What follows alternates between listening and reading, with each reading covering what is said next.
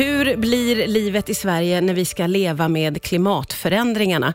Det svarar dagens gäst på i boken Världen som väntar. Jag säger välkommen hit till Peter Alestig. Tusen tack. Du är ju klimatredaktör på Dagens Nyheter, men nu har du skrivit den här boken. Varför ville du skriva den?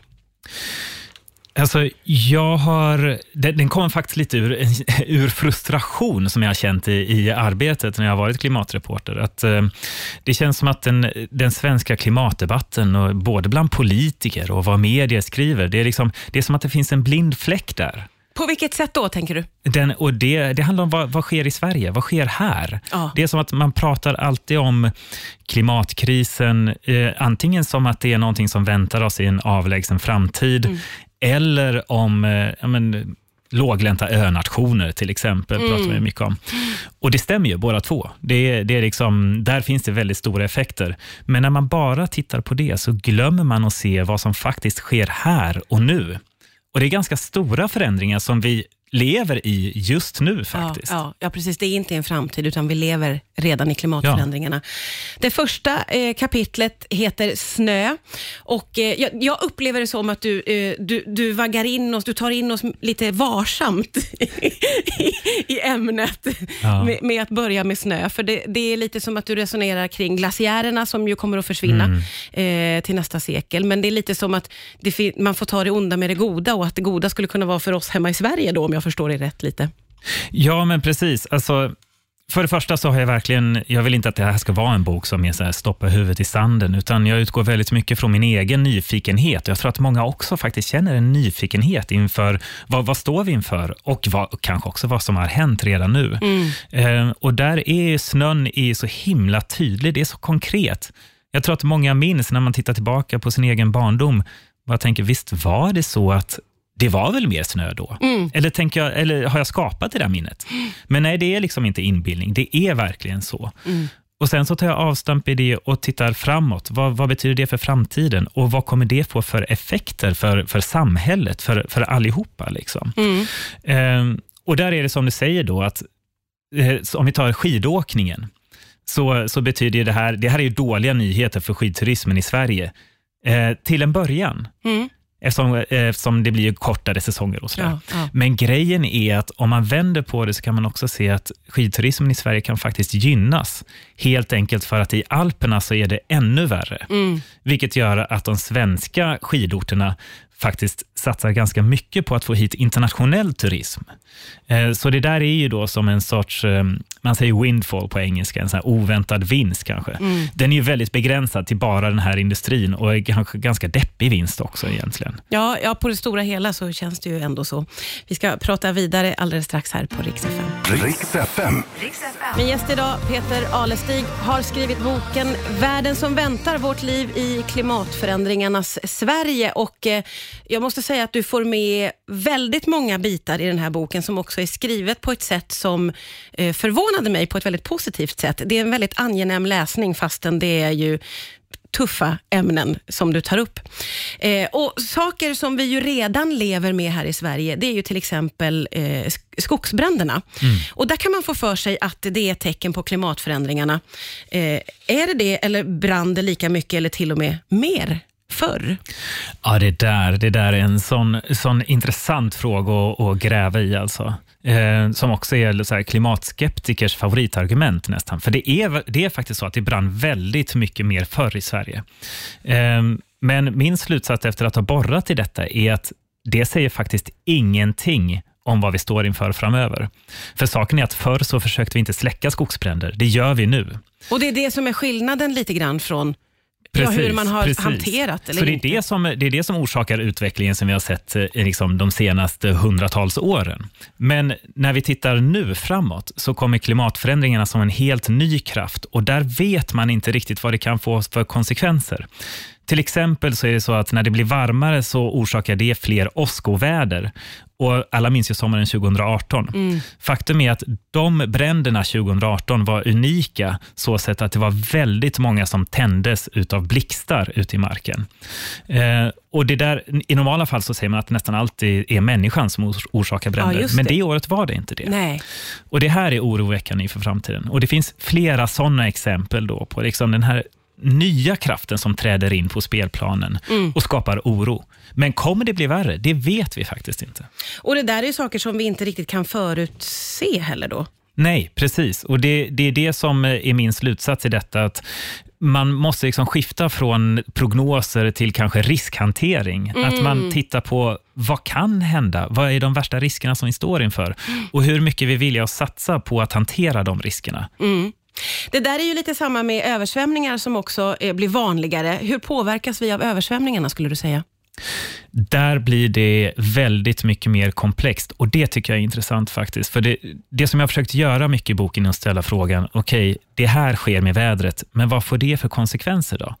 Och när det gäller översvämningar så är det tydligt så att de blir väldigt mycket värre.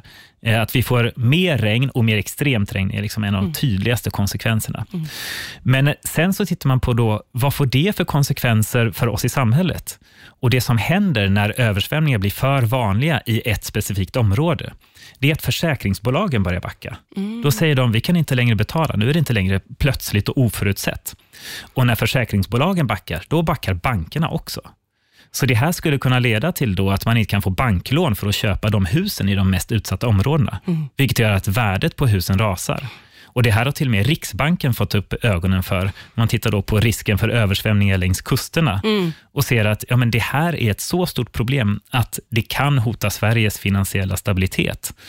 Eh, Det blir och- otroligt mycket större än Ja, vad man liksom från början har tänkt. Precis, och det där, det, det där återkom jag till flera gånger i boken. Att det, det finns liksom den här typen av dominoeffekter som, som vi faktiskt inte pratar om överhuvudtaget. Och Jag tycker det är ett ganska stort svek faktiskt. Att vi har misslyckats med att beskriva både från mediernas sida, men också från politikens sida. Vad är det som är på väg att ske med Sverige och vad får det för konsekvenser för samhället? Ja, verkligen. Det sista kapitlet i boken heter Konflikt och det tyckte du var det allra svåraste att skriva. Vi ska prata lite om det strax här på. Riks FM. Peter Alestig är aktuell med boken Världen som väntar om vårt liv i klimatförändringarnas Sverige. Och eh, Sista kapitlet det heter Konflikt och det var allra svårast att skriva. Varför var det det? Ja, men därför att i, I många av de andra kapitlen så tittar jag på de rent fysiska effekterna, hur vädret förändras och så följer jag liksom det. Vad, vad betyder det? Vad får det för konsekvenser för dig och mig och sådär. Eh, men när det gäller konflikt och de stora geopolitiska förändringarna som vi står inför, då handlar inte det om, eh, om sådana rent fysiska effekter, utan då är det liksom så mycket om hur vi människor reagerar på det som sker. Eh, och Samtidigt som det är det svåraste så är det kanske också det allra viktigaste. För jag, menar, jag tycker att vi ser nu med kriget i Ukraina hur otroligt påverkade vi blir i Sverige när någonting stort sker i en annan del av världen. Och Saken är att hela, jag skriver mycket om det, hur hela vårt samhälle och liksom världshandeln och systemet är, upp, är uppbyggt efter att allting ska ske ganska smärtfritt. Det ska liksom rullande lager pratar man om istället för att ha stora lager med mat till exempel. Eh, Och allt sånt där, är som, det, det är inte byggt för att hantera störningar.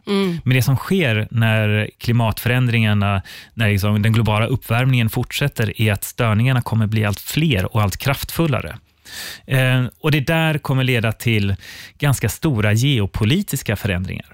Och, och Vi kommer att märka av allt det här. Ja, precis. Eh, Så jag tar som exempel då att eh, om man tittar på om de stora matbordarna i, i världen, kornbordarna i världen, de som producerar mycket mat, om det skulle ske extremväder där samtidigt, så riskerar handeln med mat att slås ut.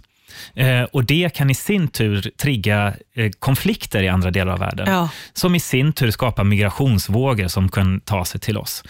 Men minst lika viktigt skulle jag säga är det energi, alltså det skiftet som sker i vilken energi vi använder just nu. Det är, det, det är rent av så att en expert jag pratar med menar att EUs gröna giv, alltså att EU satsar mycket på förnybar energi, kan ha triggat invasionen av Ukraina eller skyndat på invasionen av Ukraina. På vilket sätt? Helt enkelt därför att Putin ser att gasen, det, det är hans maktmedel mot Europa. Det är hans kraftfullaste vapen. Och det håller på att rinna honom ur händerna. Ja. Så därför agerar han nu, medan han fortfarande har kvar det. Och Den här typen av skiften det kommer vi se så väldigt mycket av framöver.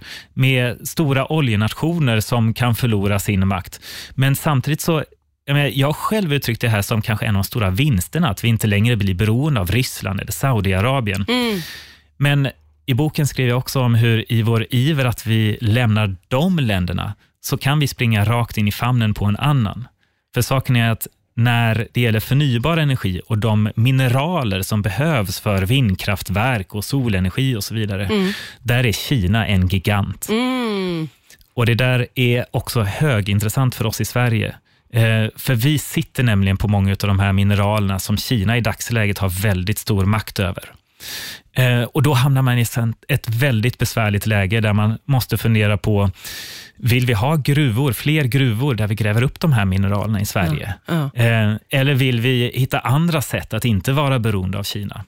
Så det blir liksom väldigt stora förändringar i, ute i världen Ja. som Och kommer stora att frågeställningar för oss också. Verkligen. Och det här till. kommer ju påverka vilken roll vi i Sverige har i världen i övrigt. Ja, verkligen. Du, jag måste bara få säga, eh, eller fråga dig, för att du skriver i början av eh, boken att du ofta får frågan, blir du inte deppig av klimatfrågan? Och då skriver du, nej det känns betydelsefullt snarare än hopplöst. Det är otroligt spännande sägning. Va, hur, va, hur tänker du med det? Ja, alltså, eh, för, för min del så är det ju... eh, Jag, jag skulle ha svårt att bevaka någon annan fråga. För jag tror att när väl insikten är här om att ja, men det sker väldigt stora förändringar och samhället, vårt samhälle är inte redo för det. Världen eh, är inte redo för vad som håller på att ske och vad som sker.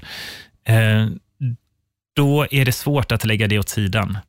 Så för min pers rent personligt så känns det bety väldigt betydelsefullt att få arbeta med de här frågorna. Mm. Men sen så är det ju, det, jag sa det innan vi gick in här i studion, att det, det är också sorgligt alltså. Ja, När man tittar på att min barndoms vintrar eh, är borta, Ja, att det. vårat Sverige som vi är vana vid, att det är, är borta och inte Ja. kommer tillbaka. Nej, vi är redan inne i de här klimatförändringarna. Vi är inne i en ny tid som Precis. vi måste hantera. Ja, och det är ju, ja, jag känner sorg över det och det tror jag att man måste få göra. Ja.